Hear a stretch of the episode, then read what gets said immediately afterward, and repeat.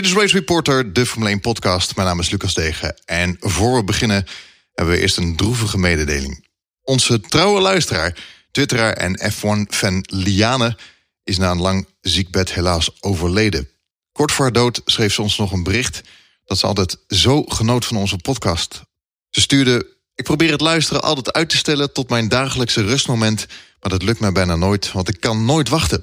Zoals we je beloofd hebben, Liane, dragen we deze aflevering op aan jou... waar je ook bent. Je zult het horen. Jeroen, ik geef, uh, Jeroen Schot, ik geef aan jou het woord. Jij, kent uh, Liana heel lang? Nou, dat is wat overdreven. Een jaar of twee geleden raakte ik voor het eerst in contact met haar. Um, ik heb toevallig even teruggekeken in mijn DM van Twitter, maar dat was in augustus 2018. En toen uh, ze mij dat Zandvoort door zou gaan, omdat ze mensen bij de gemeente kon. En uh, zij wist toen al dat ze daarmee bezig waren. En nou, van daaruit is het contact ontstaan. Ik ehm, wist al heel lang dat ze heel erg ziek was. Sinds een jaar eigenlijk ehm, opgegeven. En uiteindelijk is ze vorige week vrijdag geëuthanaseerd. En die zaterdag daarvoor heb ik er voor het laatst gesproken. Ze hebben me nog een bericht gestuurd of dat nog mocht. Of, of ze me mocht bellen. En ik zeg ja, uiteraard. Ik dacht dat het een heel moeilijk gesprek zou worden, maar dat viel heel erg mee. Want ze was eigenlijk heel blij dat het, dat het kon eindigen. Want de laatste tijd was het niet meer makkelijk voor haar, uiteraard. Um, en eigenlijk, ja, hele levenslustige, krachtige vrouw. Die ondanks dat ze ik er alleen ja, min of meer gekend heb uh, in de tijd dat ze ziek was, toch altijd vol, uh, vol vreugde zat. En heel veel plezier ook haalde uit de Formule 1. En um, ja, tragisch. Ik vind het ook heel heftig, omdat Jeroens en ik hebben allemaal ook wel een persoonlijke historie met, met een bepaald ziektebeeld. En ook die Twitter community is gewoon zo close. En we zijn allemaal een beetje, een beetje hoe noem je dat, like-minded of zo. Allemaal gewoon Formule 1 fan, leuk op Twitter. En dat is altijd zulke mooie interactie ook met al onze luisteraars. Ja, en dat zo'n iemand dan toch wel heel veel plezier uit onze podcast haalt. Ja, dat raakt me ook wel dat, uh, dat die er niet meer is nu. Absoluut. Nou ja, uiteindelijk weet je, mensen als Liane, daarvoor zijn we hier. Um, wij zijn hier voor de fans. We zijn zelf ook fans. Ik bedoel, hè, um, laat, laat dat uh, voorop staan. Wij zijn geen journalisten. Wij zijn gewoon fans die toevallig bij elkaar gaan zitten af en toe om een beetje te ouwe hoeren over de Formule 1. Um, en blijkbaar zijn er iedere, iedere keer weer duizenden mensen die naar willen luisteren. En een van hun is Liane. Dus ja, dit, ik, ik moet wel zeggen, dit komt bij mij wel echt heel erg aan. Ook natuurlijk inderdaad wat jij al zegt, Charles, vanwege die ontzettende rukziekte waar we allemaal, ja. in ieder geval de, ons drieën, waar we allemaal, uh, die kennen wij van dichtbij. Ja. dus ja, dit is, ik, uh, ik, toen ik dit hoorde van Jeroen, ja, ik had het hier wel even, echt wel even moeilijk mee, ja. Ja, velen die noemen Formule 1 ook de belangrijkste bijzaak in het leven. Maar goed, ja, ja. het leven is toch altijd nog belangrijker. En dat iemand er niet meer is, dat is uh, diep treurig. Zeker. Ze had heel graag nog uh, afgelopen jaar naar Zandvoort gegaan. En uh, ja, voor haar is het toch wel vervelender dat het nooit is gebeurd natuurlijk. Um, ja, het was een leuke vrouw. En we hebben veel vragen van ook uh, meegenomen in het draaiboek ook. En dan, Liana ja. was echt wel, ja. echt wel aanwezig. Nou, de, de, one of us, zeg maar. Het is ook wel wat Jeroen zegt. Het doet ook wel wat uh, dat je hoort dat mensen um, die ja. zo, ook, ook, zo, ook al zo ziek zijn, die dan um, zich verheugen op onze podcast. Ja. Dat vind ik dan wel. Ja, ja dat, dat vind vier, ik wel heel speciaal. Vier, vier, mannen met een mening. Ja. Ik zie dan de statistieken hoeveel luisteraars we hebben. Dat is gewoon een getal. Als je dan zo'n bericht van haar krijgt, dan, dan zie je dat het hmm. echt iets bereikt, zeg maar. Of foto's ja. van mensen die een hond aan het uitlaten zijn, of in de auto, of. of ja, dus Liane ook. Dus heeft me ook echt wel geraakt, de bericht ja, van haar. Ze wilde nooit met haar ziekte op Twitter. Ik heb het ooit wel eens gezegd. Uh, daarom heb ik, ik denk dat ze, ik heb het nooit gevraagd, maar ik denk dat ze daarom ook ooit mij heeft gedM'd. Ik begon over Zandvoort, maar daarna ging ze al vrij snel over op die ziekte. Um, ze wilde het altijd geheim houden, maar uh, ik heb haar verteld dat we deze podcast eerst volgende aan haar zouden opdragen. En uh, dat vond ze ontzettend leuk. Dat vond ze heel mooi. Ze vond het wel jammer dat ze niet meer zelf kon horen, uiteraard. Maar ja. De familie luistert wel, dus uh, nogmaals deze aflevering opgedragen aan Liane. Welkom bij Race Reporter, de Formule 1 podcast. Racereporter.nl Een vooruitblik op wat er allemaal gaat komen deze zomer. Want goed nieuws, we gaan weer racen. Acht races. Jeroen Scholte, jij was een van de eerste die dat uh, had ontdekt. Dat er minimaal acht races uh, voor nodig zijn. Is dat zo? Ja, zeker. Ik, ik, ik voel dat nog. Van, hoe, oh. hoe zit dat? En toen ben je het gaan uitzoeken op Twitter. Dat weet ik veel, zijn, ja, ja, er zijn er minimaal acht races voor De anderen hadden geen idee zeker, hè? Nee, nee. nee maar serieus. Ik ben Lucas Degen en ik zit hier in Haarlem met het uh, vaste team. En veel luisteraars eh, kennen ons al. Maar voor de nieuwe luisteraars die er toch iedere keer weer bij komen... zou ik zeggen, heren, stel je nog even voor. We beginnen met de jongste, de knapste. Charles. Dat, dat ben ik, denk ik. Hè? ik ben Charlie Jalving. Eh, Zoals in het draaiboek heel keurig staat. Simrace specialist. Denkt dat hij Max Verstappen is. En doet iets met een stukje autosportfotografie. Dus daar laat ik het ook mooi bij. Nou, ik vind het wel heel kort. Simrace is op dit moment hot eh, topic. Maar goed, dus jij... Zeker. Ja, volgens mij hebben we er zelfs nog ergens in staan dat, eh, dat de coureurs die eh, online hebben geraced, dat die misschien zelfs nog wel een voordeel hebben. Was het eh, Ja. Nico Rosberg die het Ja, erover had? ja, Charles Rosberg was dat. Ja, Charles Rosberg. Maar, jij- Ja, dus- maar, maar jouw groepje wordt steeds groter, hè? Want wie is er laatst erbij gekomen? Eh Milou Metz.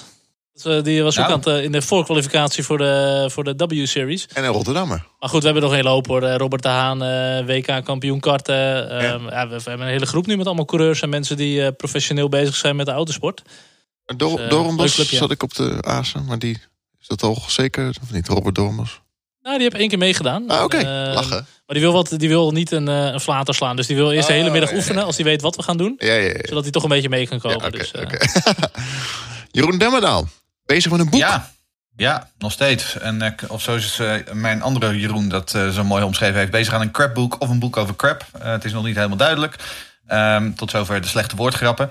Eh, ja, ik ben communicatie-specialist. Ehm, want eh, Charles is van de simraces, ik ben van de communicatie. eh, en ik doe ook veel aan schrijven. En ik ben Jeroen Scholten. Ik zie hier staan in het draaiboek dat ik een verveelde en vervelende racefan ben. maar ik moet wel zeggen, eh licht aan het eind van de tunnel. Want afgelopen week heb ik zowaar een eh, race gezien. In die cars. Met Rinus VK. Ja, ja. Niet helemaal zoals hij het van tevoren bedacht had. Maar het is weer begonnen.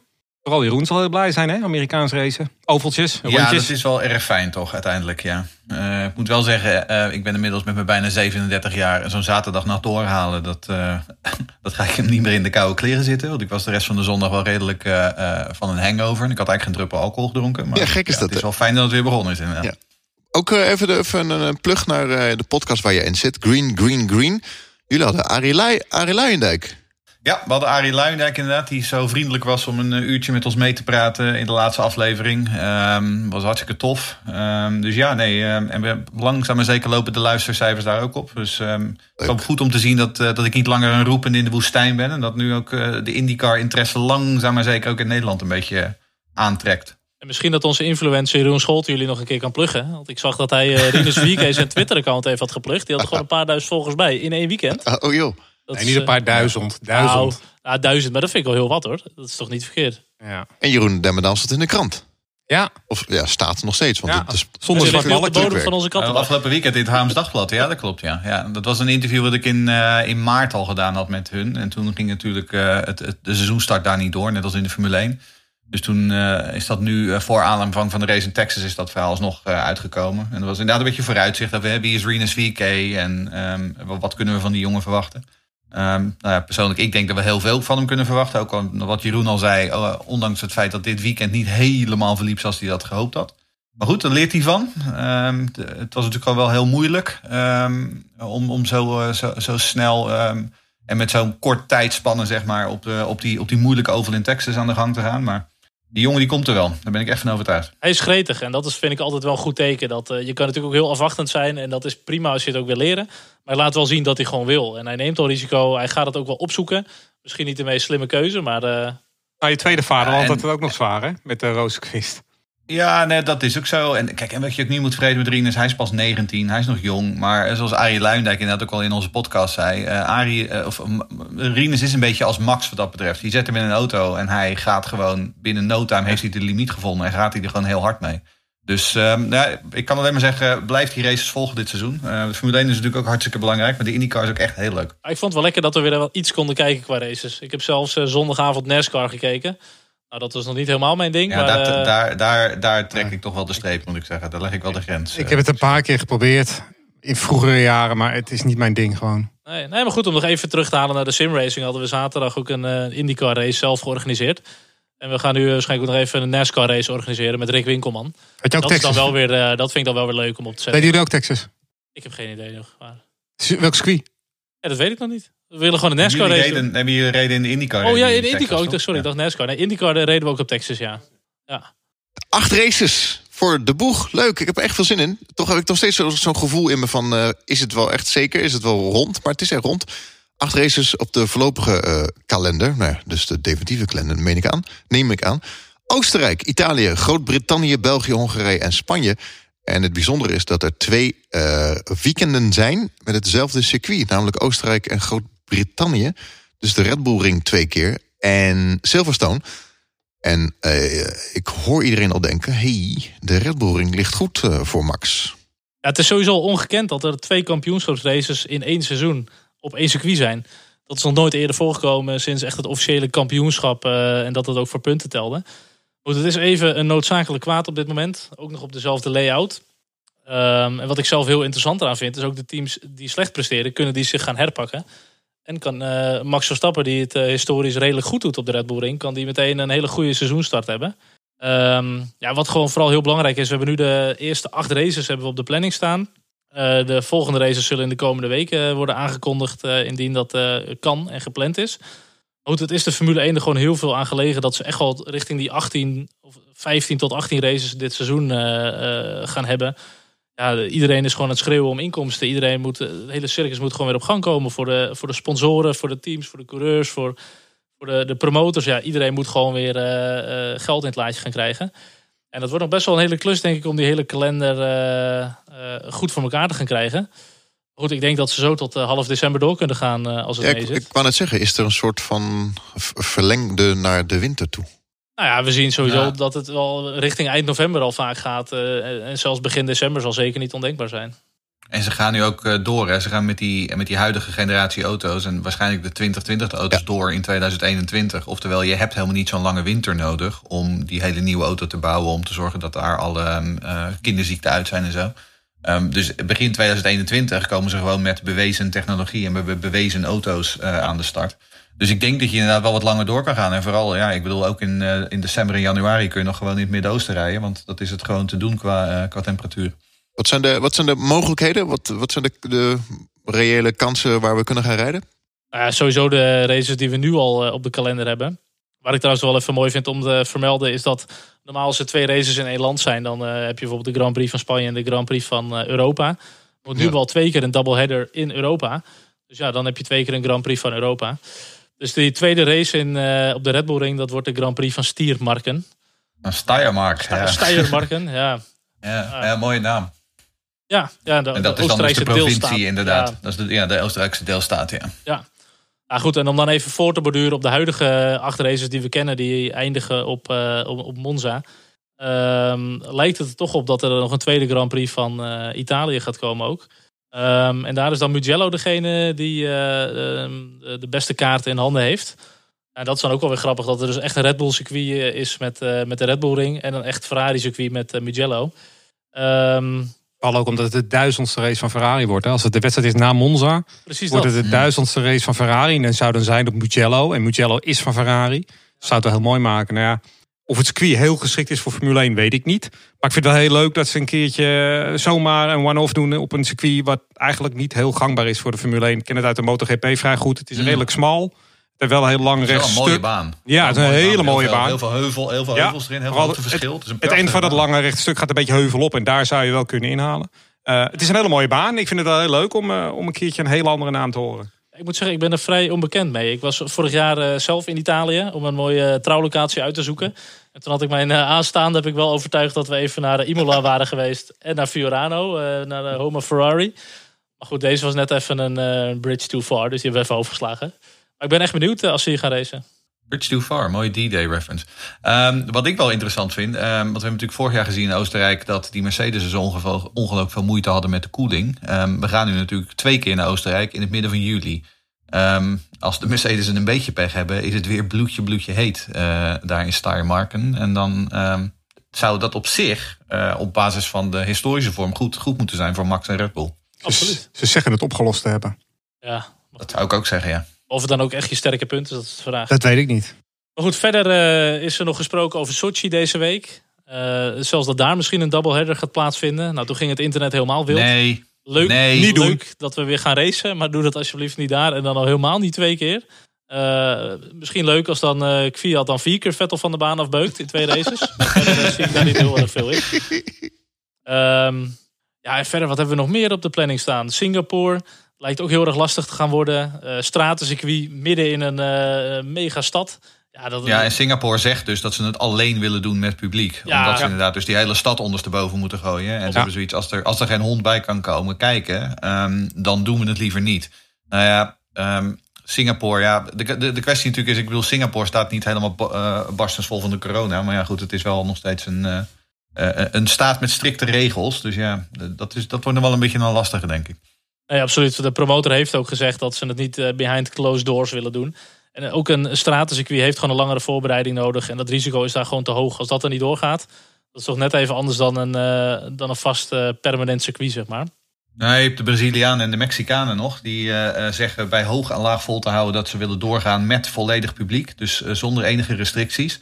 Um, nou, persoonlijk lijkt me dat zeer twijfelachtig. Vooral uh, wie een beetje het nieuws volgt en wie ziet hoe het nu op dit moment in Brazilië gaat. Um, het is echt een bende daar momenteel qua corona. Um, dus het zou kunnen dat ze tegen beter weten in het inderdaad alsnog gewoon door laten gaan. Maar dan zouden de teams en de rijders zich zeg maar blootstellen aan een enorm risico. Ja. Dus dat vraag ik me ook serieus af. Maar ja, je hebt het dan misschien wel vier, vijf maanden verder dan nu. Ja, het, is lastig. Je weet het niet. En je hebt nog Suzuka, mogelijk. En ik las toevallig net dat volgens uh, Gazette dello Sport... dat uh, Brazilië, Singapore en Baku en Japan in de komende dagen... Uh, definitief afgelast gaan worden voor dit seizoen. Oh. Um, waarbij ik ook heb gelezen dat Vietnam er ook niet heel erg happig op is... om echt nog in de herfst een race te gaan organiseren. buiten het risico zitten dan vrij dicht op als we natuurlijk in het begin van het seizoen weer een, eh, een Grand Prix gaan organiseren. Ja, het, is, het is echt nog een beetje koffiedik kijken op dit moment. Maar ik denk dat er uh, vrij snel wel een en ander definitief gaat worden. Want je moet wel, want uh, werd aan het begin net gezegd dat je wel acht races moest hebben voor wereldkampioenschap. Maar wel verdeeld over drie continenten. Hè? Ja. Dus we moeten nog wel ergens de zee over. Oh, is dat? Is dat een, is dat een regel? Ja. Dat het op alle drie de continenten moet zijn? Oh, nou, kijk aan. Ja. Maar goed, maar goed we zijn nog wel mogelijkheden. Hè? We hebben nog wel Abu Dhabi en Bahrein. Hebben we nog dat, dat Mexico zegt in november, 1 november dacht ik uit mijn hoofd. Uh, de originele datum, dat die ook al zeker is. Dus dat zou, dat zou de derde continent ja. zijn. Kialami misschien nog? Ja, ja. Kialami, nou ja. ja. wie weet. en Kota, maar eh, er is natuurlijk in Texas wel weer geraced nu met de IndyCar. Uh, NASCAR ook volgens mij. Uh, maar goed, voor de Formule 1, ja, dat is de vraag, kan dat alweer? Uh, dat gaat natuurlijk een heel circus er weer achteraan. En dat is een flink stuk groter dan IndyCar. Wat natuurlijk eigenlijk al uit Amerika komt. Um, ja, ik ben heel erg benieuwd. Nou, Zandvoort is natuurlijk ook officieel uh, van de baan in 2020. Dus die is uh, definitief verplaatst tot 2021. Ja, dat is ook gewoon een dingetje. Die promotors wilden het absoluut niet zonder, zonder publiek, zonder fans. Uh, ze waren binnen no time uitverkocht. Dit was het feestje voor het Nederlandse volk om Max Verstappen weer in actie te zien op Nederlandse bodem. Ja, ik, ik snap ook dat zij die keuze maken van joh, we gaan het risico niet nemen. Verplaats het gewoon naar volgend jaar. Maar goed, je ziet wel, uh, sport, uh, financiën zijn heel belangrijk. Maar als je dan uh, bijvoorbeeld met Liane ziet, ja, het heeft ook heel veel persoonlijke gevolgen voor mensen die dan er niet bij kunnen zijn. Of heel veel mensen die echt hun geld hebben opgespaard voor een kaartje. En die moeten gewoon even een jaar, jaar gaan wachten. Dat is pittig. Het is heel pittig, ja.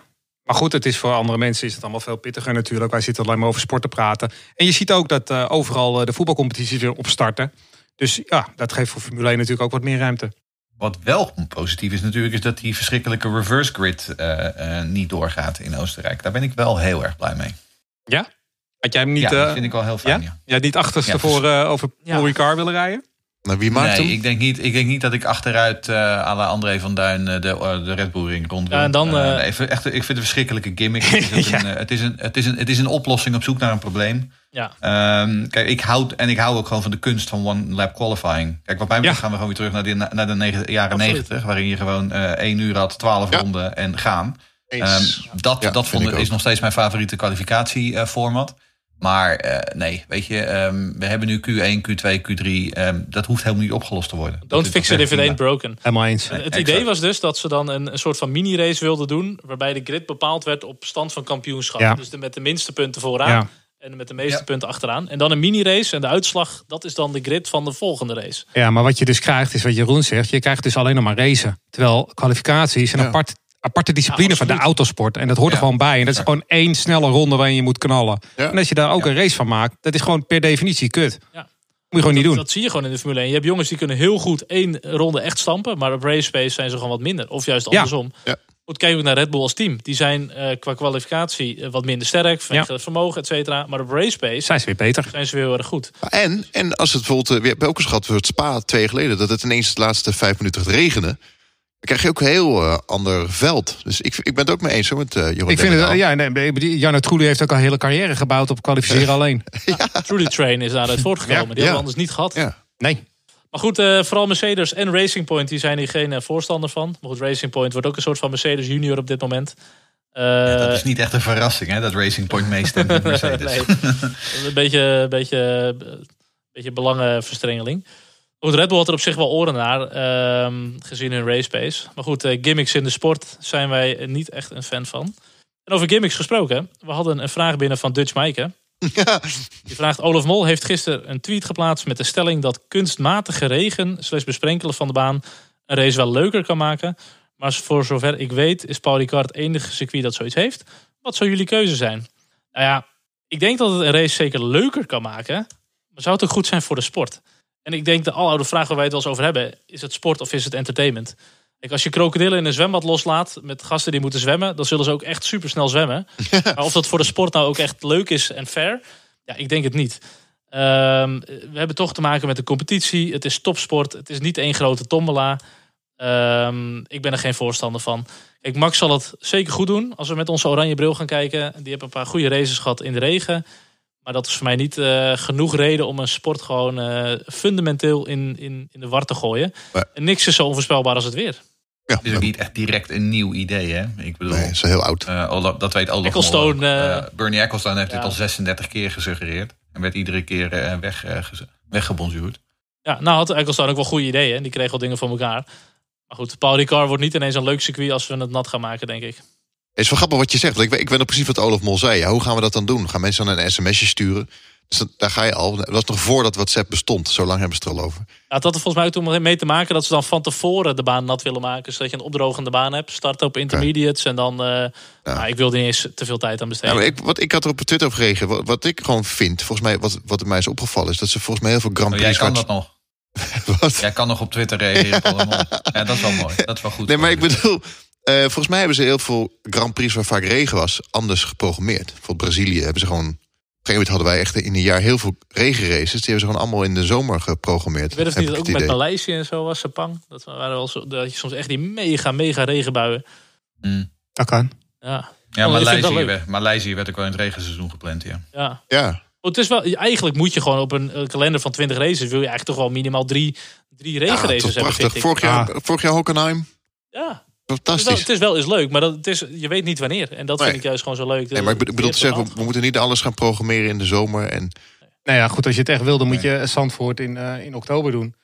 maar ja, de fans zitten wel in de kou. ja, maar heb je meer fans op de tribune of achter de tv? Eh, Je hebt ze alle twee Bij nodig. definitie achter de tv natuurlijk. Ja, maar je hebt ze alle twee Je nodig. hebt ze allebei, alle twee nodig, absoluut.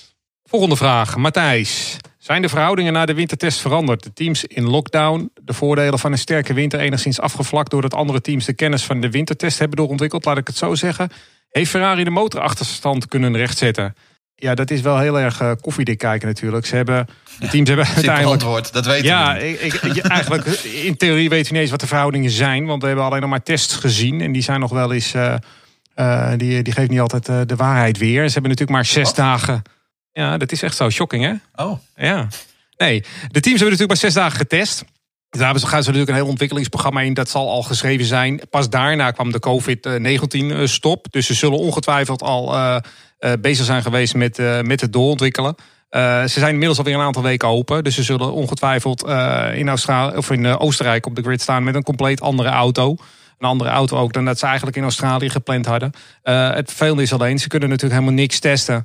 Eh, je hebt normaal gesproken eh vrije trainingen waarin je van alles test. Ja, dat is nu allemaal niet mogelijk. Eh, wanneer je in Oostenrijk komt, heb je al een half jaar niet meer met die auto's gereden. De coureurs kennen die auto's nog nauwelijks. De coureurs zullen ook zelf het roestig zijn. Dus die zullen hun vrije trainingen ook wel, zeker de eerste, gaan gebruiken om weer allemaal in het ritme te komen en om de auto goed te leren kennen. Dus ja, doorontwikkelen. Dat zal zeker doorontwikkeld zijn. Maar eh, of, of Ferrari eh, het goed heeft gedaan, het, bijna niet. En dat heb je ook nog eens, want, want hij heeft het over de Ferrari motor. Je hebt ook nog eens het, het, gegeven dat als er minder dan 14 races dit jaar worden verreden, en dat weten we nog helemaal niet hoeveel races er verreden gaan worden, dan mag je maar twee keer uh, onderdelen wisselen. Kom je daarboven, dan mag je weer drie keer wisselen. Dus dat kan voor motorfabrikanten ook nog eens zijn. Van ja, wat moet ik nou met. Ik iets agressiever Ja. of iets minder agressief? Ik weet niet hoeveel races, ik weet niet hoe lang het mee moet. Het is wel een onzekere factor. Ja, het is eigenlijk een beetje de soortgelijke vraag die Jan-Joost Volmer had, onze F1-historicus. Er is nu acht maanden niet geraced. Zijn de verhoudingen nog hetzelfde of kan er een team slash coureur voor een verrassing zorgen? En in hoeverre zullen de dubbele races daar invloed op hebben? En dat is wat ik net eigenlijk ook al zei over die dubbele races. Van, ik denk niet dat er mega verschuivingen zullen zijn. Ehm, de ene zal iets meer voordeel hebben, iets meer hebben, budget hebben om door te ontwikkelen. En Williams zal denk ik geen megastappen zomaar hebben gemaakt. Ehm, maar die dubbele races vind ik wel interessant. Want een goed team, bijvoorbeeld de Mercedes, uh, als die wint, die zullen dezelfde visie aanhouden, dezelfde richting. Maar stel een, uh, een uh, Racing Point die slaat de plank mis. Die kunnen natuurlijk wel een beetje gaan kijken van... Hey, hoe hebben de andere teams het gedaan? Wat kunnen we verbeteren? Ook daar zal het echt niet in één keer helemaal anders zijn hoor. Maar ik vind het wel een interessante. We hebben dat nog nooit eerder gehad. Nou, ik ben wel benieuwd hoe de logistiek daar gaat werken namelijk. Want uh, ik, ik ga ervan uit dat de teams gewoon in Oostenrijk blijven. Uh, in die weken daartussen. Um, en ik bedoel, eh, slechtste geval. Stel nou dat... Um, um, we krijgen een herhaling van Spanje 2016. En, en Bottas en Hamilton rijden elkaar van de, van de baan. En schrijven gewoon allebei een auto af. Nul data. Hoe los je dat dan op? Nou, exact. Maar hoe los je dat dan op? Um, want ik bedoel, ik neem aan dat, ze, dat je dan extra reserveauto's meeneemt. Of moet je dan een extra reserveauto in laten, in laten schepen? Ik bedoel, dit was een van de problemen die Rinus VK dit weekend had. Omdat al die sessies zo dicht op Ja. elkaar zaten. En hij schoof eraf in de eerste rookie training. Waardoor hij vervolgens de hele vrije training en de kwalificatie miste. Nou er zit hier natuurlijk wel hey, een, extra, een x aantal dagen tussen. Maar het- ik denk dat het nog steeds voor, met name voor de kleinere teams... zou dat nog wel eens wat druk op kunnen leveren. Wat als je bewijs van een dubbele DNF hebt en je hebt gewoon geen eens een halve race gereden. Dan mis je best wel veel data nog over de banden en hoe het zich gedraagt. Dus ik denk dat zelfs ze misschien de kansen wat gaan spreiden. Van laten we race 1 toch maar een beetje voorzichtig doen. En race 2 eh, toch Ja. wat meer eh, risico gaan Mm. nemen dan. En toch denk ik dat die, eh, die vrije trainingen van de eerste race, daar moet je echt even naar gaan kijken, denk ik. Ja, je kan lachen. beter die vrijdag even vrij nemen. Want Ja, ja, normaal ja, gesproken ja, heb je in. Australië het eerste weekend heb je altijd al eh, wel wel met veel momentjes en dergelijke. Maar nu zal je echt wel veel eh, off-tracks hebben en, en spinnetjes en Ja. dingetjes. Het wordt echt wel een hele leuke inter- En er zal heel veel gereden worden. Ja. Zin in. Ik heb echt, echt enorm veel zin in. Echt hartstikke leuk. Ehm, we hadden vorige aflevering hadden we het over eh, de persconferentie in Frankrijk. Over Renault. En eh, ja, Ja, ik mijn wel in een, eh, ja, ik geloof wel in een complottheorietje. theorie. Maar ging niet door. Renault blijft in de Formule 1. Ja, eh, de miljardenbezuinigingen die kwamen er inderdaad voor eh, Renault, het moederbedrijf. Maar ehm, uiteindelijk eh, be- kondigde dus de topvrouw van Renault aan dat Renault toch gewoon in de Formule 1 blijft. Ehm, ze gaf daarbij ook aan dat de budgetcap een hele grote factor was. Want die werd natuurlijk enkele dagen eerder werd die officieel eh, afgehamerd. Ehm, dus ja, eh, we, we houden Renault erbij. Ehm, wat we wel weten is dat Ricciardo er niet meer bij gaat zijn. Dus de grote vraag is nu, wie gaat Ricciardo vervangen bij Renault? Ik kan me zo voorstellen dat ze niet zo heel veel haast hebben. Want in feite hebben ze wat mij betreft, dat zei ik in onze vorige aflevering ook al. Ik vind dat ze met eh Ocon in principe gewoon een kopman in huis hebben. Daar kunnen ze gewoon een team omheen bouwen. Ehm, dus ja, ik persoonlijk zou het heel gaaf vinden als ze een van hun eh, ehm, Academy eh, youngsters eh, promoveren. En, een Christian Lundgaard en Guan Yu Zhu, die nu allebei in de, in de Formule 2 rijden. Ehm, als die gewoon een goed seizoen draaien, dan zou ik die er graag naast zien. Wie ik in ieder geval niet zou willen zien was Alonso. Dat lijkt me een ten eerste een ontzettende waste of money. Maar ik denk dat het ook gewoon een storende factor gaat worden in dat team. Ja. Want Alonso, dat zagen we bij McLaren en bij Ferrari ook. die maakt gewoon geen vrienden binnen zo'n team. Eh, met zijn manier van werken. Dus ehm, ja, ehm, hoe dan ook. ehm, we, we behouden Renault voor de Formule 1. En ik denk dat dat wel gewoon een, goe- een goede zaak is. Absoluut. Je wil gewoon meer teams hebben, meer autofabrikanten, meer stabiliteit. Het is wel een beetje het lachertje van de Formule 1 aan het worden met de Beatable. Maar eh, ik heb ze er alsnog graag bij. Ik hoor dat eh, Hul- Hulkenberg... Nee, maar eh, die ik zo mogelijk... eh, Mm, Ja, als ik Hulkenberg ben, dan zou ik inderdaad ook wel gaan, ehm, gaan solliciteren. Ja. En wat, wat we natuurlijk ook weten, daar gaan we het zo nog wel even over hebben. ehm, met ehm eh Ja. dat Valtteri Bottas, eh, die zou, ehm, zijn management zou in gesprek zijn met Renault. Natuurlijk ook niet zo heel gek. Ehm, zou op zich ook een hele aardige keuze zijn voor Renault, denk ik. Ehm, dus ja, ehm, ik, ik denk dat ze op dit moment niet zo heel veel haast hebben. Want ze, wat ik zeg, ze hebben met Ocon gewoon een hele goede rijder in huis. Ehm, dus ze kunnen nu gewoon rustig gaan kijken. Ja, en de wie Formule ze 2 en de Formule 3 die komt ook weer op gang eh, 2022. nu eh, de, de Formule 1 op gang komt. Dus daar kun je ook even kijken hoe je juniors het doet. Ja. Al weet ik niet hoe ze zitten met hun eh, licentiepunten hoor. Ik weet niet of een van die jongens al in de buurt zit. Ja, Jules, Jules zit wel vrij dichtbij. Die heeft volgens mij een top 5 nodig uit mijn hoofd. Race Reporter, de Formule 1 podcast. Voor degenen die hem eh, nog niet gezien hebben, op Netflix had een mooie documentaire over Williams. Hebben jullie die gezien? Ja, uiteraard. Ja, oké, prachtig, mooie, mooie documentaire. Williams Team for Sale staat te koop. Ja, 13 miljoen pond hebben ze verlies gehad eh, vorig jaar, verlies gedraaid vorig jaar. En nu zijn ze hard op zoek naar iemand die eh, minderheid dan wel de meerderheid van de aandelen, aandelen wil kopen. Ondertussen hebben ze ook gebroken met Rokit, de titelsponsor. Op zich wel opmerkelijk, want het schijnt eh, zo te zijn dat eh, Williams zelf gebroken heeft met, eh met Rokit. En ja, in eerste instantie denk je natuurlijk, ja, waarom breek je met je titelsponsor, met je grootste geldschieter op het moment dat je geld nodig hebt? Ja, kijk, op zich is het ook wel weer verklaarbaar. Als je een, een, een, iemand zoekt, een partij zoekt die, eh, de, de, die veel aandelen over gaat nemen. Die wil natuurlijk niet vastzitten aan een contract wat nog tot 2023 loopt met Rokit. Aan een titelsponsor. Want Rokit die wil graag dat zijn naam voor eh, de teamnaam wordt gezet. En die wil heel graag een plekje eh, prominent op de Williams geschreven hebben. En die wil heel graag dat eh, zijn blauw en zijn rood van zijn logo in die auto terugkomt. En als je een grote partij zoekt, hè, neem, neem als voorbeeld Red Bull. Die heeft natuurlijk zijn eigen auto's. Die wilde daar die stier op hebben. Die wilde daar zijn eigen kleursamenstelling op hebben. En die wil niet nog eens een andere sponsornaam ervoor hebben staan. Ja, goed. Als je zo'n partij zoekt, dan wil je dus van Rokit af. En daarvoor hebben ze er waarschijnlijk mee gebroken. Wat voor mij eigenlijk wel een indicatie geeft dat ze al heel dicht, nou heel dicht, maar dat ze best al behoorlijk ver zijn met een partij. Dat zou zomaar de vader van Latifi kunnen zijn natuurlijk. Maar eh, als ze zomaar, eh, als er nog geen enkele zicht was op een overname, dan hadden ze dat nooit gedaan. Dan hadden ze niet nu al afscheid genomen van Rokit. En dat denk ik ook. Nee, dat is exact. Dat is exact dit. Dit is de beste indicatie dat die nieuwe, ehm, dat die nieuwe eigenaar eh, dichterbij is dan, eh de, dan menigeen denkt.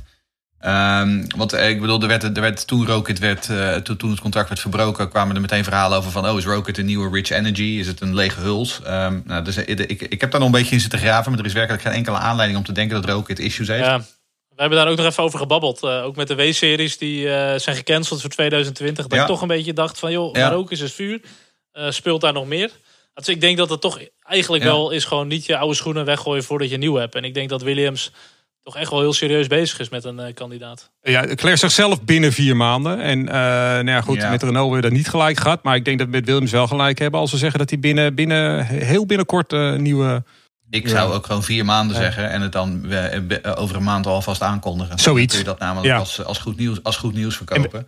Ehm, kijk, en wat, ze, wat natuurlijk ook zo is, is dat. ehm, want ik bedoel, ik, ik zat daar ehm, onlangs ook al met een van onze collega's over te grappen. Van eh, als je eens gaat kijken naar die, eh, die, die tent van meneer Latifi, Sofina Food. Ja. Daar zitten een aantal interessante namen tussen. Zo hebben ze een, een, een merk, dat is een kippenvleesmerk, dat is Lilyfield Chicken. Nou, Lilyfield Chicken Racing lijkt me echt een geweldige naam. Ehm, er is ook een bedrijf dat heet Zamzam. Eh, dus Zamzam Racing eh, lijkt me ook wel mooi op zich. Maar ja, meneer Latifi lijkt wel de meest voor de hand liggende koper eh, Ja. te zijn. Aan de andere kant, ik, blijf dit zeggen. Ik, ik, ik vraag me al jaren af waar de Emiraten zijn. Waarom we nog geen Emirates Formula One hebben of Etihad Racing. Dus wie weet dat die er wel inspringen.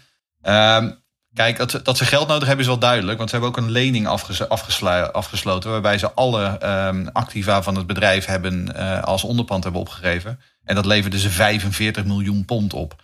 Ehm, dat is niet heel veel voor alles wat je in je bezit hebt op dit moment. Dus dat is fabrieken, alle eh, oude auto's, de Heritage, alle machine, eh, machines die ze hebben.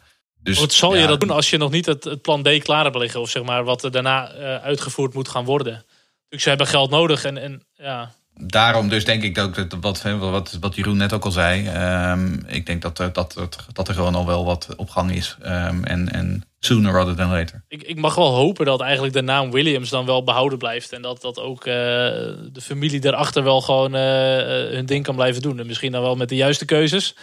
Ehm, maar dat zie je natuurlijk ook met de Sauber. Dat is dan Ik zou, wat ik, iets... zou er geen, ik zou er geen geld op zetten. eh. Nee, maar ik zou het wel Ja. jammer vinden om de naam Williams te zien verdwijnen. En dat zag je Ja, dat ook ben ik met- met je eens. Dat maar zag je ook met, met de Sauber van Peter Sauber. Die hebben het nog vrij lang volgehouden. Eh, op, de, of op de Alfa Romeo staat nog wel iets van Sauber volgens mij. Eh, maar ja, eigenlijk de hele Maar, naam maar, is maar, natuurlijk maar kijk naar de oude teams zoals Lotus, Brabham. eh, die is ook allemaal weg. Ja, weet je, wat, Ja. Wat Lucas net zegt, eh, die Netflix documentaire bij Williams, daar zegt, zegt Claire onder meer dat ze nooit een B-team zullen worden. En, maar dat is nou wel een C- beetje... C-team. Ook nooit een A-team. Als je nou kijkt naar de huidige opbouw van de Formule 1, dan moet je of eh, een multinational achter je hebben staan, zoals Red Bull. Of je moet een B-team zijn van een fabrikant, zoals eh, hè, Haas heeft dat met Ferrari en, en Racing Point en zo. Al dat zijn allemaal B-teams van, van grote fabrikanten. En, en anders is het eigenlijk niet te doen. Je hebt natuurlijk nog McLaren, maar die hebben wel weer wat geld eh, stromen vanuit Bahrein en vanuit Saudi-Arabië binnenkomen. En is ook gewoon een automotive, hè? Ook nog eens, ja. De, Williams is eigenlijk de enige. eh, i- Williams is eigenlijk de jaren 80 binnen de huidige Formule 1. En, dat- en dat kan eigenlijk Ja. gewoon niet meer. Jordan. de- de- Ja, dus, dus dat zij geen B-team wil worden, dat snap ik. Eh, en dat ze alles nog steeds zelf maken, snap ik ook. Vanuit ideologisch en eh, romantisch eh, oog, oogmerk, zeg maar. Want ze maken alles zelf, zelfs de bakken maken ze nog zelfs. Maar het is eigenlijk niet meer van deze tijd. Het kan eigenlijk niet meer. Nee, nou ja, kijk, en laten we wel wezen. Ik bedoel, eh, onder ehm, Claire is Williams ook een keertje derde en een keertje vierde in het constructeurs KWK geworden. Dus ik bedoel, dat Claire er helemaal niks mee van kan. Ik bedoel, dat vind ik ook nog wel een beetje. Ehm, ik heb het idee dat daar af en toe nog wel wat vrouwenonvriendelijkheid binnenkomt kruipen. Als dat soort verhalen er rond te doen. Maar ehm, ik denk inderdaad dat ze heel lang vast hebben gehouden aan die visie van een privateer blijven. Van die visie zeg maar van je eigen identiteit houden. eh, Echt het familiebedrijf. En ja, die, die formule, dat recept, dat heeft nu wel echt gewoon zijn waterloo gevonden. En ik, ik denk inderdaad, eh, eh, ondanks wat Charles zegt, ik denk dat de naam Williams op termijn gewoon gaat verdwijnen uit de Formule 1. Ik ben er bang voor. Ja, daar ben ik ook bang voor. Ik ben het trouwens wel met je eens hoor. Dat het niet allemaal Claire de schuld is. Maar die derde plaats waren wel een klein beetje geflatteerd natuurlijk. Want dat kwamen wel puur door Mercedes toen nog. En eh, Red Bull die liet het daar liggen met de motoren en alles. Mercedes was een heel sterk. Dus was een klein beetje geflatteerd. Maar toch. eh, wel onder haar Derde verantwoording. plaats. Ja, wel onder haar verantwoording, absoluut. Eh, maar als je ook kijkt in de tijdperk voor Claire, daar ging ook al heel veel mis. Hè. Eigenlijk is het sinds, sinds Mm. de BMW-jaren, die ene uitschieter van Maldonado dagen later, is het eigenlijk niet veel meer geweest. Heel jammer. Maar ja, ze gaan allemaal. eh, hè, we hebben ook geen Cooper meer, we hebben geen Lotus meer, we hebben geen. eh, noem het maar op, hebben ze allemaal niet meer. Wat we overigens niet moeten vergeten, en dat vond ik wel een opmerkelijk eh, bericht. Dat was, de, dat was Peter Windsor die dat meldde. ehm, dat eh, Toto Wolff weer 5% van de aandelen terug heeft gekocht van Williams. Ja. Ehm, Ja. Ik weet nog niet helemaal wat ik daarvan moet maken. Of dat nou een teken is van verdere Mercedes-invloed. Of dat Wolf eh, zeg maar gewoon wat aandelen koopt voor, voor zijn post eh, na, na Mercedes-periode. Eh, maar dat is op zich wel, vind ik wel een goede, eh, een goede zaak. Ehm, dus dat, dat, is, dat is dan wel weer een klein sprankje hoop in ieder geval. Dat vind ik ook wel interessant hoor, die Toto Wolf, waar hij allemaal mee in verband wordt gebracht, waar hij zich inkoopt. Zit natuurlijk bij Mercedes zit hij, eh, Aston Martin heeft hij zich ingekocht. ja. Eh, Williams, hij is al meerdere malen in verband gebracht eh, als... eh, hij, is een soort nette, hij is een soort nette Flavio Briatore. ja, maar er zijn er gewoon heel veel geruchten Flavio. En- Briatore, die, die had eind, eind half jaren 90, die had ook ongeveer de halve grid eh, eh, had die aandelen in. Of een beetje de nieuwe Bernie Ecclestone of zo. En ook eh, meer, meermalig in verband gebracht als VIA-president, eh, als opvolger van Jean Todt. Mm. Die eigenlijk als na drie termijnen eigenlijk eh, afscheid moet nemen. Ehm, maar goed, daar zijn ze nog mee bezig als dit toch gaan versoepelen. Dat Jean Todt nog een eh, periode kan. Maar ik- Of het is gewoon een briljant Alsjeblieft, zeg, hou op. Met die Jean tot. Ja. Dat hebben we toch wel gehad. Jean Todt. Ja. Jean tot hier en niet verder gaan. De Formule 1 podcast. Over verloren teams gesproken. Race Reporter. Van Force India naar Racing Point naar Aston Martin. ja, topteam in de maak? Of wordt dit het nieuwe fabrieksteam van Mercedes?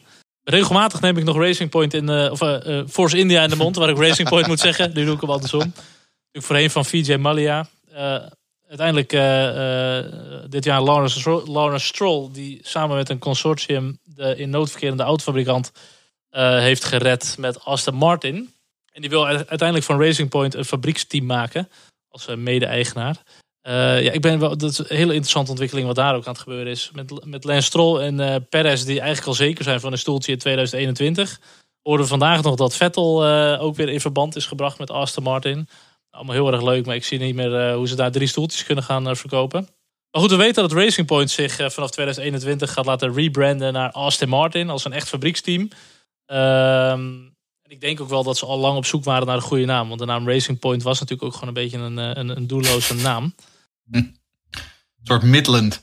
Ja, het is eigenlijk net niks, zeg maar. Maar hoe zit dat met die punten? Want als je toch je naam verandert, dan ben je al je punten kwijt. Nee, maar vanaf een nieuw seizoen mag dat gewoon. Nieuw seizoen mag dat gewoon, hè? Ja, absoluut. Daarom deed Victor Muller dat ook niet toen hij, eh, toen hij Midland kocht. Ja. Want Laura Stroll heeft eh, een vrij diepe portemonnee. Dus die heeft eh, Racing Point, die heeft Aston Martin. Eh, zijn zoon die wilde een goed zitje in de Formule 1 eh, zien te geven. Eerder werd hij ook al verband, in verband gebracht met de overname van Mercedes.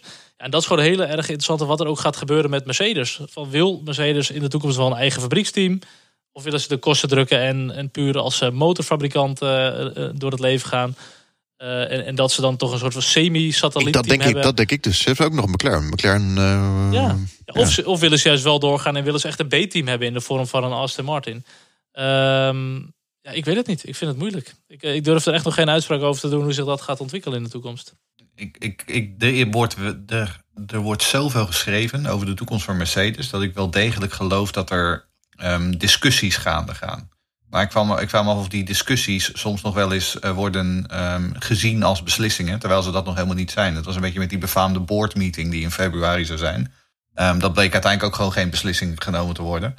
Um, dus ja, er is wel, wat, er is wel flink wat rook. Uh, en er zal ongetwijfeld gewoon gekeken worden naar van... Uh, hè, misschien dat ze wel gewoon op een eikpunt zitten. Dat ze gewoon eens op, op hun gemak aan het kijken zijn van... hoe gaan we dit nu verder invullen. Um, wat laten we wel lezen. Kijk, Aston Martin, uh, Daimler is de grootste aandeelhouder. Um, uh, Aston Martin, de, de, de, straatauto's rijden gewoon met Mercedes motoren. Uh, ze hebben nu net de voormalige baas van AMG als nieuwe CEO aangesteld daar. Um, dus weet je, er zitten wel hele nauwe banden tussen Aston Martin en, en, en AMG en Mercedes. Maar um, ja, weet je, we kunnen soms ook gewoon zeggen, we weten het nog niet. En we moeten gewoon even afwachten. En ik denk dat dit nou echt zo'n geval is. Um, Daarbij hebben we overigens nog een, een vraag uh, van Jan Sergeant. En die, die vraagt zich af, ja, maakt Vettel nou echt kans op dat tweede zitje bij Mercedes? Of is dit de zoveelste vorm van Mercedes mist, zoals hij dat nou noemt? Um, nou ja, ik, ik zie geen reden waarom niet. Um, ik denk zeker dat hij op een shortlist staat. Um, ik bedoel, met Bottas weet je wat je hebt. een hele een veilig uh, paar handen, maar ook wel gewoon een absolute nummer twee. met Vettel heb je natuurlijk sowieso een commercieel gezien... heb je een ontzettend interessant constructie. Hè? Als je Hamilton en, en, Vettel naast elkaar zet met hun tien wereldtitels, dat is natuurlijk gewoon een, een, een absoluut topteam. Um, dus en ja, we, we, weten dat Bottas en zijn management al met anderen aan het uh, praten zijn. Dus die ziet erbij ook al wel een beetje hangen. Um, we, we, hebben natuurlijk de afgelopen jaar een aantal keer gehad dat van ja, gaat Bottas er dit jaar uit, gaat Bottas er dit jaar uit. Ik denk dat we uh, voor dit seizoen er het dichtste bij zijn uh, dat Bottas daadwerkelijk vervangen wordt bij Mercedes. Mag ook wel eens. Ik vind het ook wel, wel prima zo. Ja, ik ook beetje reuring in de toko. Even wat uh, frisse wind. Even wat, wat, wat meer karakter erin. Maar en het is ook wel... Vettel wordt natuurlijk heel erg uh, gebashed ook wel. Om, om wat er allemaal bij Ferrari is gebeurd. En, en ook met Ricciardo destijds.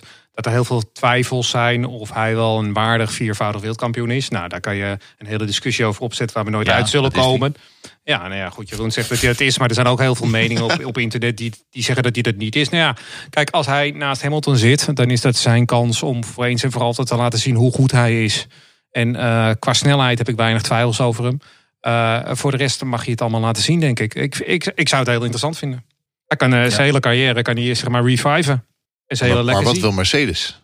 Als hij Hamilton verslaat, dan denk ik niet dat er iemand nog is die ooit twijfelt aan hem. Ik zou dat wel leuk vinden om, om Hamilton en Vettel tegen elkaar met, de, met een gelijke auto te zien racen.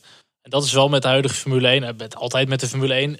De auto is gewoon zo belangrijk. En de enige echte uh, waar je mee kan vergelijken, dat is gewoon je teamgenoot. En Rosberg en Button hebben hem afgeslagen. Hè? Hamilton is te verslaan. Ja, absoluut. Dan gaan we eens kijken naar uh, geld. De gevolgen van de budgetcap.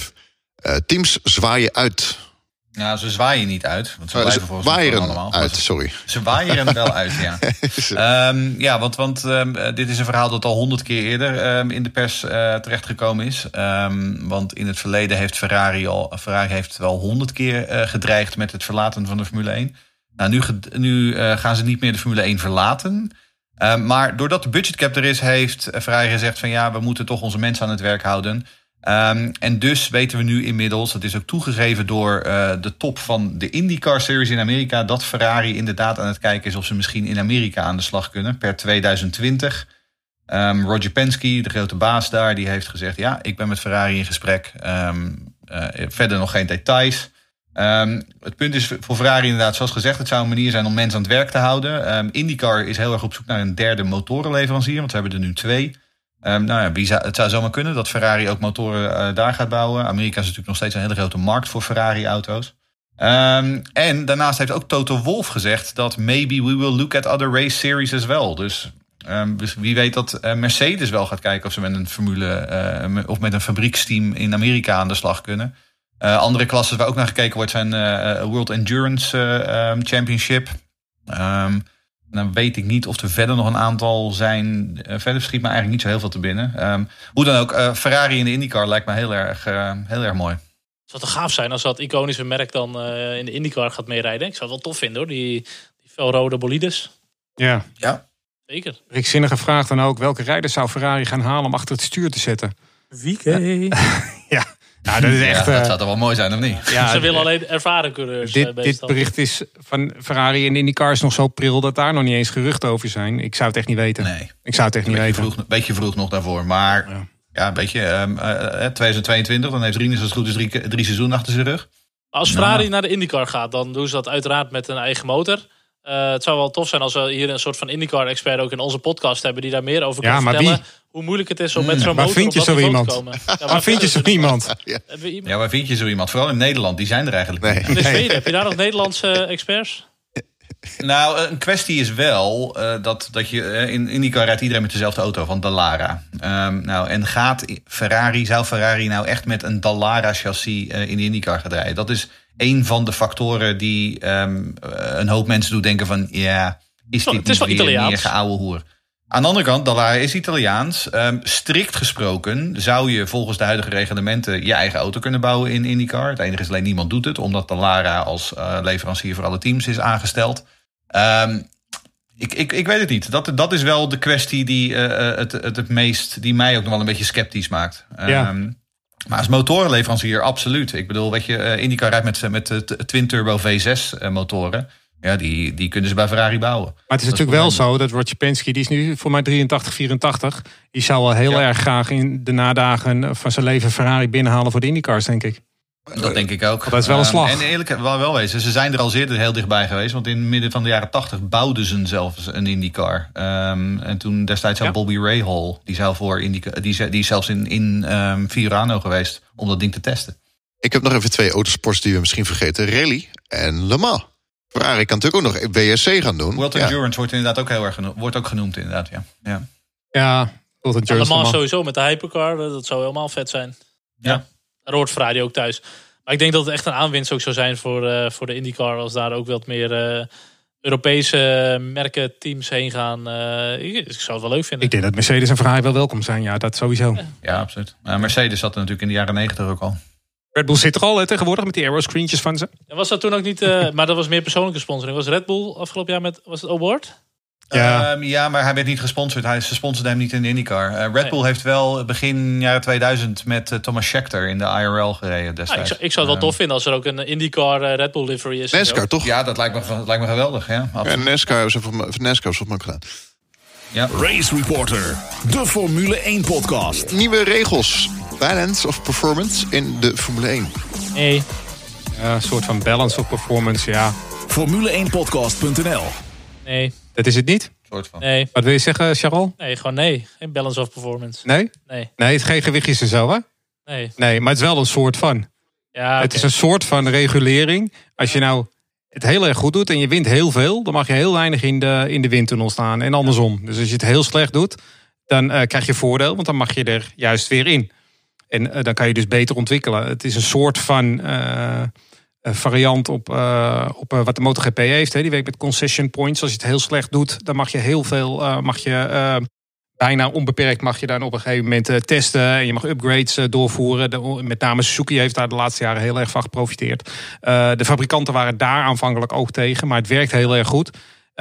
Daar is het er gewoon doorheen gedrukt, de Dorna. Ik weet niet of dat hier ook gaat gebeuren. Maar eh, volgens mij eh, zijn de, teams het er redelijk over eens. Dus ik, ik denk dat het gaat gebeuren. Ik vind het een hele interessante optie. In eerste instantie had ik zoiets van... ja, je doet al een budgetcap. Moet, dan breng je het veld al dichterbij. Moet je dan dit ook nog doen? Ehm, aan de andere kant... eh, het vervelende is voor jongens als Max Verstappen, Charles Leclerc... die gaan de records van Michael Schumacher niet meer verbreken, ben ik bang. Want ik denk dat 90 overwinningen dan wel heel moeilijk gaan worden... als het veld zo dicht bij elkaar komt. Maar eh, het, het is wel interessant. Ik, ik, ik denk dat het wel kan werken. Ik zie het in de motor. Ja, ik ben een MotoGP-fan en ik zie het daar goed werken. En ik zie daar gewoon andere fabrikanten naar voren komen. Ik denk dat het ook wel gaat En- werken om het veld dichter bij elkaar te krijgen. En eh, op zich, het is ook niet extreem erg. Het zijn geen spelelementen, geen fan-input. Nee, nee. Geen boost. Het zijn geen gadgets. Nee. Ja, het is ook niet dat je gewicht in je auto krijgt als je te snel bent. Dus dat is zo direct. Dus op zich, het is niet helemaal slecht. Maar ik ben ook niet helemaal voor, voor, voorstander van eigenlijk. Nou, en het, pu- het punt is, wat ik, vooral dat vind ik belangrijk, dat het niet inderdaad die fanboost is of inderdaad van die Mario Kart-achtige dingen die ze in Formule 1 hebben, of Formule E hebben. Ehm, weet je, het, het, het houdt de engineering side aan, aan aan het werk. Want als jij dus niet aan je aero mag werken, dan ga je dus aan andere dingen werken. Dan ga je dus kijken van wat kan ik nog doen met mijn, met mijn, eh, met mijn suspension? Wat kan ik doen met mijn versnellingsbak? Wat kan ik doen met de motoren? Ehm, dus ja, weet je, ik bedoel, het, het, het verlegt de focus voor dan dat topteam, zeg maar. Die dan op een andere manier gaan proberen om dan eh, een, een voordeel te halen. Maar die op die manier nog steeds hun engineers aan het werk houden. Dat is wel lullig als je dan 30 aerodynamica specialisten in dienst hebt. En die mogen niet aan de Ja. aerodynamica echt... Eh, Nee, maar die kun je dan bijvoorbeeld aan de auto van volgend jaar alvast zetten. ja. Dat Dus mag nu dan, niet. Dan heb je er nog niet zoveel aan waarschijnlijk. Maar wat ehm, bijvoorbeeld bij de MotoGP, eh, wat ik zeg, dat werkt daar heel goed met eh, Suzuki, wat naar voren is gekomen. En dat heeft natuurlijk ook het effect dat het voor fabrikanten ineens wel interessant wordt om erin te gaan stappen. Want eh, je krijgt niet alleen een Ja, budget cap, ook, ja. eh, je krijgt ook nog eens gewoon eerlijke kansen. Want op het moment dat jij niks scoort, zoals bijvoorbeeld Toyota vroeger deed, eh, dan ben je eerder, je krijgt meer mogelijkheden. Dus je, je komt meer naar voren. En dat maakt het interessanter voor fabrikanten. En eh, ik denk dat het wel kan gaan werken, ja. Het, heeft, Dan, dan hebben we nog gras en grind nodig. het dient meerdere doelen. Echt, hè? Om maar even in te gooien. meer gas en gint inderdaad. Nog een vraag van Remco. Oh, Remco vraagt: andere F1-goeroes eh, eh, geven aan. Wie zijn dat dan? eh, ik weet niet wie de andere F1-goeroes zijn.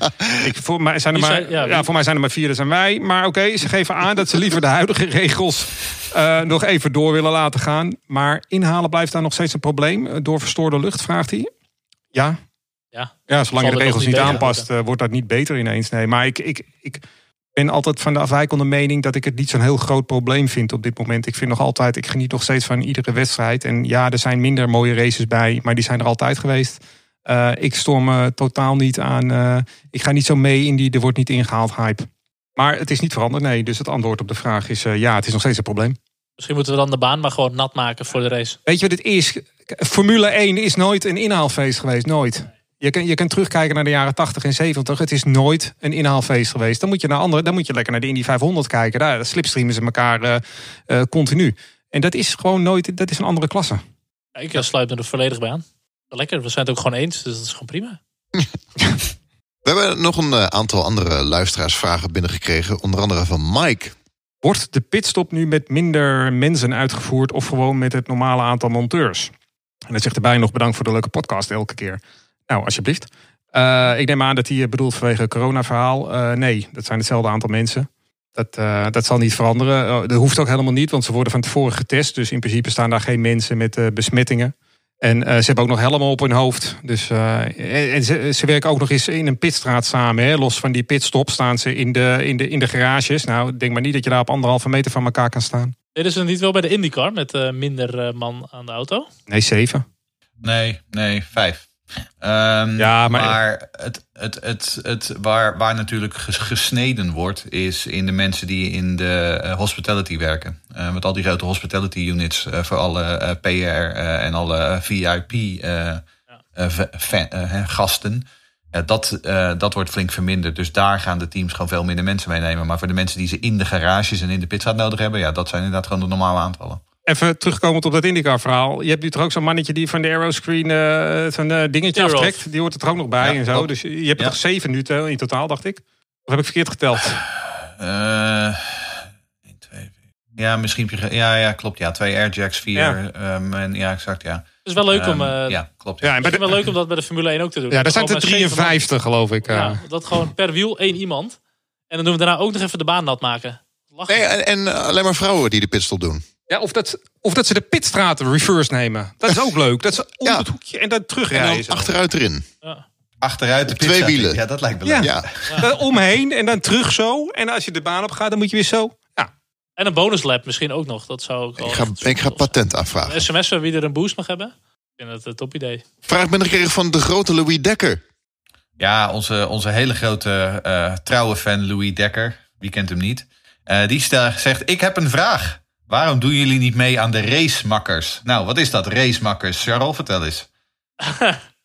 Waarom moet ik dat nou weer vertellen? dat jij een BN'er bent. jij, jij bent de sim-expert, toch? Niet? Maar het zijn niet mijn racemakkers. Dat is niet mijn race. Oh, het zijn niet jouw racemakkers.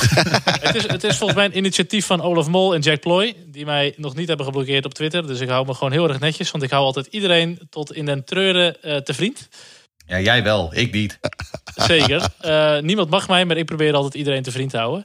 Maar die hebben een, een soort van eh, Formule 1 game wedstrijd. Dat ze met allemaal BN'ers eh, gaan racen. En dan met allemaal hulpmiddelen aan. En ze kunnen gewoon door elkaar heen rijden. Dus ze kunnen niet crashen. En dat is gigantisch leuk. En dat is dan vervolgens weer te horen op de radio. En dat pluggen ze allemaal. Maar eigenlijk... Ja, weet je wat het meer voor mij is? Het voelt niet echt. Het is zo gemaakt. En eh, wat wij hebben met dat racen, en we hebben echt een superleuke groep. Het is gewoon echt lachen en het is gewoon gemeend. En het zijn gasten met passie voor lekker een beetje online, online rondracen. En dit voelt een beetje geforceerd. En dat, dat, eh, dat vind ik dat ik denk, ja, ik heb er niks mee. Maar ik hoef er ook niet per se mijn mening overal over te geven. Online. Nou, ik ben vooral ook, ik ben ook geen BN'er, dus daar ga je al. Ja, dat is Nee, het goed, ik zag eh Rintje Overal- Ritsma, die zat er vandaag bij. Nou, als je dan denkt aan, joh, wie, wie zijn er autosport eh, eh, en heel bekend in Nederland? Ja, Rintje Ritsma natuurlijk. Rintje Ritsma, zeker. Nou, ik, ik, ik ben natuurlijk wel een bekende Nederlander, want ik ben host van deze Zeker. podcast. Ja. Maar, nee, maar ik race al, eh, al, al sinds 2006, 7 op racedepartment.com. En eh, ook rode blauwe lettertjes, namelijk hetzelfde logo ook een beetje als racemakkers. Maar in ieder geval, daar race ik. Iedere vrijdag ben ik aan het racen. Dus ja, waarom zou ik dan naar race, racemakkers? Ik, eh, Maar goed, dat weet je, het zijn, het zijn mannen die eigenlijk helemaal niks hebben met simracen. Maar goed, een maatje van me zei al, niks is zo veranderlijk als de mens. Dus nou ja, mensen kunnen wel weer van, tot inzicht komen. Eh, Jeroen Scholte heeft thuis ook een racestuurtje staan. En ik denk dat hij toch ook wel op een gegeven moment dacht van... nou, het is eigenlijk toch ook wel weer lachen. Eh dan spelen ze toch wel de Formule 1 game. Dus dat is nog wel een Ja, beetje... ik, heb wel, ik heb wel het grote nadeel dat ik een zoon van 15 heb. En die, die haalt echt gewoon vijf seconden van mijn tijden af. Dus Ja. dat is heel frustrerend en irritant. eh, snap ik. Hij doet het ook al vijf keer zoveel als ik. Dus jij bent een beetje de Kubica en hij is een beetje de Max Verstappen, zeg maar. Eh, Eh, ja, Kubica als hij aan twee handen gewond was, ja. Zo ongeveer rij ik dan. Lekker weer. Maar goed, eh, waarom we er niet aan meedoen, aan racemakkers? Ja, omdat we niet uitgenodigd zijn. En als we dat wel worden, dan denk ik niet dat ik, eh, dat ik mee ga doen. Remco, die eh, heeft ook een vraag. Ja, Remco die vraagt: Vinden jullie dat Lewis Hamilton zijn statement op social media moet kunnen? Ehm, en dan refereert hij aan ehm, eh, een post op Instagram die eh, Hamilton gisteren volgens mij postte over een beeld van een slavenhandelaar uit de 17e eeuw in Engeland. En dat dat gesloopt moest worden, want dat is ook gebeurd in de stad Bristol. Ehm, wat vind ik daarvan? Nou, ehm, ik, ik geloof in het vrije woord. Ehm, dus ja, uiteraard vind ik dat dat statement kan. Ehm, of ik eh, het de meest constructieve manier van commentaar geven vind op de huidige situatie, dat is een tweede vraag. Ehm, maar ja, ik vind dat dat kan. Ik vind het ook dat het kan. Ik vind ook dat het mag. En ik vind ook dat een coureur, want daar is ook wel kritiek op dat Verstappen bijvoorbeeld niks zegt. Las ik toevallig op Twitter. Ja, dat mag ook. Ja. Coureur moet het zelf Ja. weten. Exact. Ja, precies Ja, dat. Ehm, sowieso, sommige coureurs die zijn veel meer gebruikt echt als platform om zichzelf neer te zetten. En hoe blessed ze wel niet zijn met alles en iedereen. Ook dat, iedereen eh, is fan van hun eigen coureur of persoon. Ja, en Max die gebruikt zijn platformen veel meer als topsporter en als eh, uithangbord voor zijn merken. En dat vind ik prima. Weet je, ik zit ook op Twitter voor de sport. Eh, ik vind ook de discussie die erover gaat. Iedereen mag er zelf mee doen wat hij wil doen. Weet je, Ik zit op Twitter voor sport en dat vind ik leuk om te, Nou, zien. ik zit, ik zit op Twitter omdat ik eh, betaald word voor eh, de leverancier van blauwe poncho's. Oh, Ja, ik wil het zeggen, ja, jij bent toch natuurlijk die influencer vooral. Ja, ja, ik word Ja. gesponsord. Ja, ja, het is wel exact, jammer ja. dat het dan echt een Nou, super droog seizoen gaat worden, of niet? ja wat het vooral is- de inkomsten lopen terug. Wat het, weet je wat het vooral is? Ik snap niet dat mensen zo verrast zijn. Want ik bedoel, we weten toch, eh, iedereen die Lewis Hamilton al een paar jaar volgt, is, hij, hij spreekt zich vaak uit over sociale kwesties. Ja, in de, in de samenleving. Dat doet hij vaker.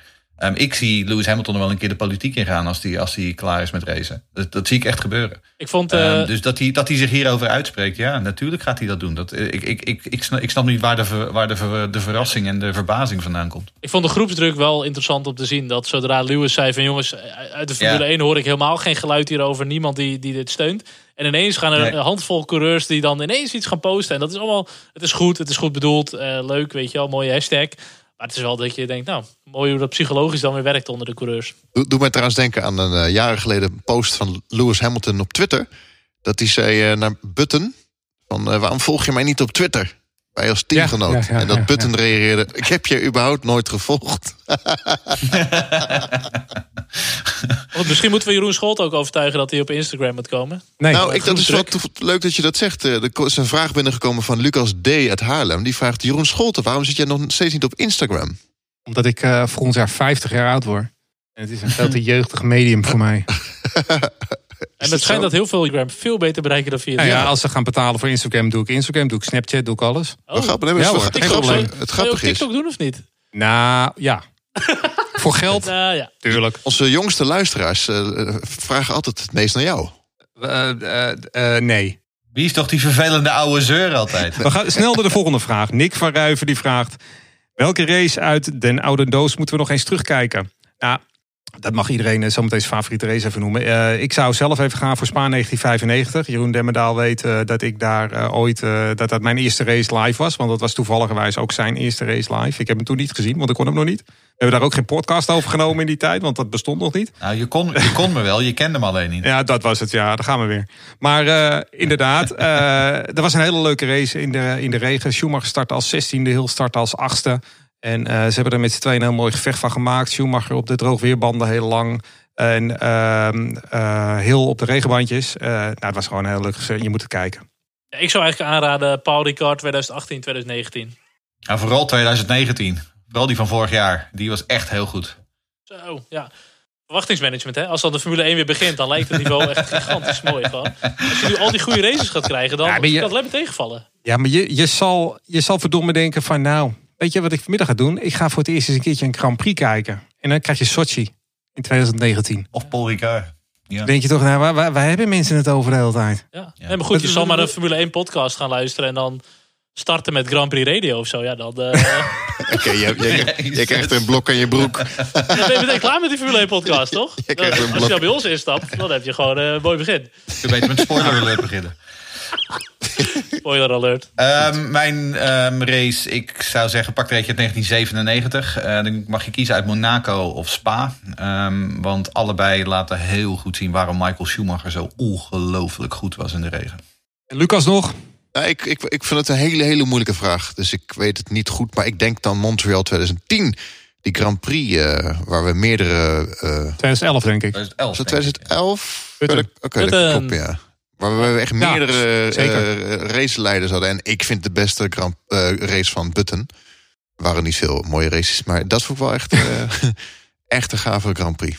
Ja, of eh, Brazilië Ja, 2016, dat Max, vind ik dan ook nog ja. echt een mooie. Ja, die vind ik ook Max fantastisch. Masterclass. Ja. En toch wel een regenrace hoor, denk ik dan. Ja, Hmm. misschien moeten we die banen gewoon nat maken. Dat we vaker regen Ja, via sms. Dat je een niet sms'je een stuurt. idee of zo? Ja, er was iemand die had daar iets over. Eh, eh, ik, ik, ik heb het zelf Ja. niet gelezen op Twitter, maar ik hoorde dat iemand anders op Twitter dat zei. Over eh, eh, berichtjes sturen naar elkaar en sms'jes en eh, dergelijke. Donaties zijn er weer binnengekomen. Even bedanken iedereen. Leden, je kan namelijk ook lid worden. Remco Zoon, dankjewel. Eddy, Chris, Niels, Karin, super bedankt. Allemaal bedankt eh, voor jullie berichten. Eenmalige donaties van Mart van Ammers. Hopelijk niet eenmalig, hè? Nee, klopt. Hij heeft een eigen website. Leuk. Tuning-gids.nl. CC Zandbergen. John de Kuipers. Arie Bombari. eh, Femme Haakman. Ma, sorry. Femke ha Haakma. En een super donatie. Een ultra donatie. Van eh, eh, Daan Legrand. Die krijgt eigenlijk een even dat applaus... Ja, dat moet ik inderdaad even doen. Ja. applaus- Weet je, Volgens mij is dit hem. Nee, dit is hem. Nee. Oh ja. ja. Ja, Oh. ja. Ja. ja, heel spontaan. Heel spontaan. Lucas kent zijn mengpaneel echt van Ja. uit als zijn broekzak. Maar goed, ehm, super bedankt voor jullie donaties. Lieve Heel blij berichten mee. allemaal. Hele lieve berichten hebben we gekregen. En eh, zo'n blijk van waardering wil je ook doneren. Ga naar f1podcast.nl slash petje af. Of naar racereporter.nl. Eh, nou ja, Jeroen de Scholte, jij zei het al. De eerste race, vrijdag, neem vrij, ga lekker kijken. Ik heb daar echt zo'n zin in. Ja, in juli pas. Maar het duurt nog een paar weken. Ja, maar toch. Maar eh, zeker, ja. Oh, het is niet eens de langste Formule 1 Gaat toch winterweek, sowieso nog wel even, voor, nog wel even voorbeschouwen Nee, die week klopt.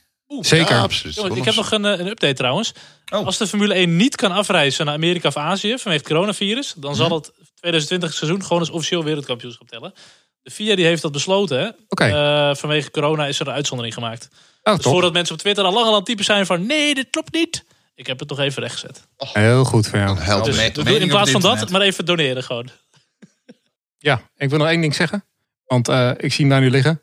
Eh, van de week heeft Lucas eh, bij Liane pet opgehaald van eh, Max Verstappen. Nummer 33, handtekening erop. Eh, die, ze wilde heel graag dat ik die eh, aan mijn zoon zou geven. Nou, dat ga ik zo meteen doen. En eh, bedankt. Wel Een speciale herinnering zo. eh. Ja, Ja. ook heel mooi van haar. En eh daar gaat zo meteen gebeuren. Hij zal er heel blij mee zijn. Nogmaals, deze aflevering opgedragen dus aan Liane, onze vaste luisteraar. Ja, doe ze de groeten daarboven, Liane.